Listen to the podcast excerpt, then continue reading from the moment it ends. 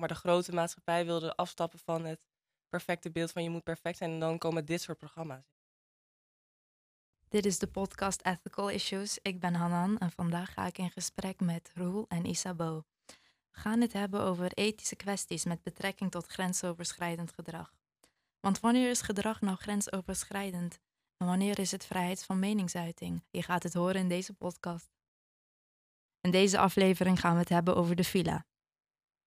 In de villa voorspelt een computerprogramma vooraf welke van de deelnemende vrijgezellen het best bij elkaar passen. De singles mogen vervolgens één week lang met elkaar vakantie vieren in een luxe villa. Het gaat er wild aan toe. Zo wordt er volop alcohol geschonken en slapen de deelnemers al op dag één met elkaar in bed. Maar dat is nu net waar het fout gaat. De afgelopen weken waren er twee scènes te zien waarin vrouwelijke deelnemers ongevraagd betast werden. In een van de fragmenten is te zien dat een man en vrouw in bed liggen samen. De man begint de vrouw aan te raken en kusjes te geven op haar rug. De vrouw geeft aan dat zij dit niet wil. De man gaat gewoon door. Daarna duwt de vrouw hem weg. De man blijft doorgaan. Is het overdreven van RTL dat ze de villa gelijk van de buis hebben gehaald? Um, nee, ik vind het niet, niet overdreven per se. Nee, want dit ging wel echt, maar vooral ook denk ik door wat mensen allemaal op internet erover zeiden. Dat ik dacht, ja, als ze dit nu hadden laten staan, had ze ook een beetje scheid gehad aan wat er gebeurd was. Aan de hele situatie, zeg maar. Ja, ik denk dat het de enige goede oplossing was. Ja, dat Gewoon denk lekker ik van ook. de buis afhalen. Ja, dan ben je er maar meteen van af. En dan kunnen mensen het ook niet nog gaan opzoeken. Want ik zou het nu misschien, nou, ik zou het niet nog een keer willen zien. Maar ik denk wel dat andere mensen het wel weer zouden willen zien. En dat kan nu gewoon niet. Het is nu gewoon klaar. Het is gewoon kunnen Ook- het wel terugkijken, maar Als je met zo'n programma meedoet, weet je dat het draait om heel veel alcohol, lust en feesten. Net zoals bij Ex on the Beach en Temptation. Bij de villa slapen de matches vanaf dag 1 al bij elkaar in bed. Moeten vrouwen rekening houden met dit gedrag als ze meedoen aan zo'n programma? ja. Ja? Zou je dat willen dan? toelichten? Nou, je, je weet van tevoren toch al dat je aan zo'n programma mee gaat doen en iedereen weet hoe Temptation Island en zo in elkaar zitten. Als je daar helemaal niet van gediend bent, waarom zou je jezelf dan inschrijven om mee te doen aan een programma? Ja, ik vind wel dat je, natuurlijk, als je, het, e- als je eerdere seizoenen gezien hebt, weet je misschien wel een beetje wat je kan verwachten. Maar Het is niet dat je opeens ehm, het allemaal maar moet toestaan, natuurlijk niet. nee, maar ja, dat vind ik je een. weet Nee, ja, wel dat vind wat ik ook. voor types daar rondlopen en Ja. Ja, dat vind ik wel een je je- beetje inderdaad. Er zijn zoveel seizoenen. voorbereiden. mhm. En als je daar een hekel aan hebt, eh, aan zulke types, ja, waarom zou je er dan tussen gaan lopen? Nou, ik denk dat het vooral gaat om het stukje van ze zei nee. En ehm, hij bleef haar aanraken. Zeg maar van, kunnen vrouwen, moeten ze dat maar accepteren omdat Oh, ze aan nee, zo'n programma meedoen? Nee, Nee, nee, nee, Ja. absoluut niet. Nee. Daar kan je je ook niet op voorbereiden, toch? Hoe weet je dat dan? Je moet toch altijd, zeg maar, ongeacht wat voor programma je aan meedoet, dat zijn je gewoon jouw normen en waarden. En je hebt gewoon ehm, bepaalde grenzen. En of je nou in zo'n programma zit met heel veel alcohol, ja of nee, dat, dat moet natuurlijk niet uitmaken. Je gaat zelf toch ook wel eens uit en dan kom je ook met zoveel alcohol in aanraking.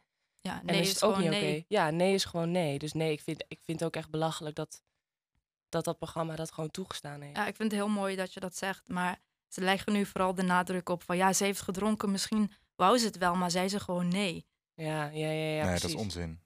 Ja, want waar ligt dan een beetje, zeg maar, zo van de grens? De grens is dat gewoon als een meisje dat niet wil, dan moet je gewoon met je takken eraf blijven. Ook als het zeg maar heel dronken gaat, of dat ze zegt van nee, maar op een hele soort van rustige toon. Nou, wat ik wel een beetje lastig vind, is dat ze zeggen dat, ze, dat zij geflirt heeft en dat je dat niet in de aflevering ziet. Ehm, en dat die jongen daarna aan haar ging zitten. Maar dan nog, nee is nee. En wat ik, wat ik wel vind, is ik vind het wel onverstandig van haar dat ze zo dronken was. Dat ze weer zo ver gegaan is. Maar dat is iets anders dan dat je het toelaat om aangerand te worden, zeg maar. Dus dat is een ander probleem. Zij heeft gewoon een alcoholprobleem. En, maar dan nog hoeft ze niet aangerand te worden, zeg maar. Ja, precies. Ehm, ja, en nogmaals de vraag, wanneer is het echt duidelijk dat een vrouw iets niet wil? Dus ehm, los van of ze heeft gedronken of niet. Gewoon van, in het algemeen, als je denkt aan een vrouw van, wanneer is het nee? Zodra ze nee zegt. Of je hand wegduwt, of...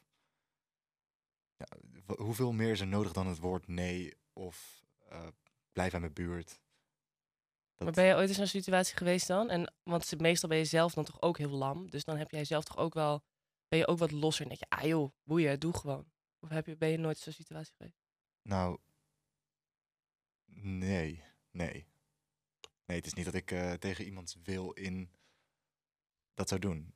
Ik, sterker nog, ik heb een scheidhekel aan de gasten die het wel doen en die verpesten het dan voor de good guys, weet je wel. Ik denk eigenlijk zo van. ehm, soms denken mannen of andere vrouwen dat het een spelletje is. En dat de ander nee zegt en lacht, maar misschien ja bedoelt. Dus Mhm. ik denk dat het daardoor heel vaak is fout gegaan. Ja, dat denk ik ook. Ja, ja, zeker, zeker. zeker. Dat het een beetje onda onderdanig is. Nee, nee, een beetje plagen. Maar ja, dat is natuurlijk ook een beetje het probleem hier. Ze kennen elkaar helemaal niet. Als jij elkaar zou kennen, dan is het ook weer anders. Dan kan je dat misschien beter inschatten. Maar hier, ze kennen elkaar helemaal niet. Je moet met elkaar in bed slapen. Moet dat? Je? Ja, toch? Je moet, ja, je moet met elkaar slapen, toch?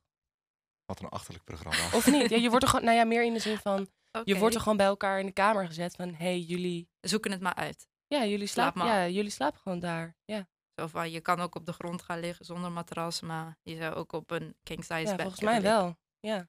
Oké. Ehm, wat vinden jullie ervan dat Temptation Island en Love Island nu ook niet meer worden uitgezonden op RTL? Nou, ik heb het nooit gekeken en ik verafschuw de mensen die er wel naar kijken. Ehm, Thanks. Ja, ik weet het. Ik, ik kan er echt geen minuut naar kijken. En ik vind alle types die erin lopen, ja, het is gewoon niet mijn...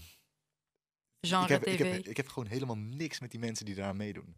En ik ga mezelf zitten opvreten achter de tv als ik ook maar een scène of een, weet ik veel, een reclame ervan zie, dan word ik al gek. Maar mag ik Ehm, vragen ehm, waarom dat gevoel bij jou naar boven komt? Wat is het aan dat soort programma's Ehm, wat ja, jou niet trekt? gewoon met z'n allen een beetje achterlijk lopen doen omdat er een camera bij is. Terwijl je eigenlijk in een situatie zit waarvan je, oh leuk, eh, ik, niemand vindt het leuk om zijn ex zomaar tegen te komen. En dan ga je op een strand zitten waar je ex uit het water komt. Wat, wat een onzin. En dan ga je dan een beetje lopen kijken hoe ehm, verschillende driehoeksverhoudingen tussen mensen, hoe dat escaleert. Ehm, ja, dat- is toch geen goede tv, denk ik dan. Ik vind prima dat van de tv af is gehaald en voor mij geen gemis. Je krijgt er toch alleen maar gezeik mee tussen die mensen zelf. Want wie is er nou eigenlijk beter geworden van zo'n programma? Ja, bij Ehm, Temptation niemand. Nee.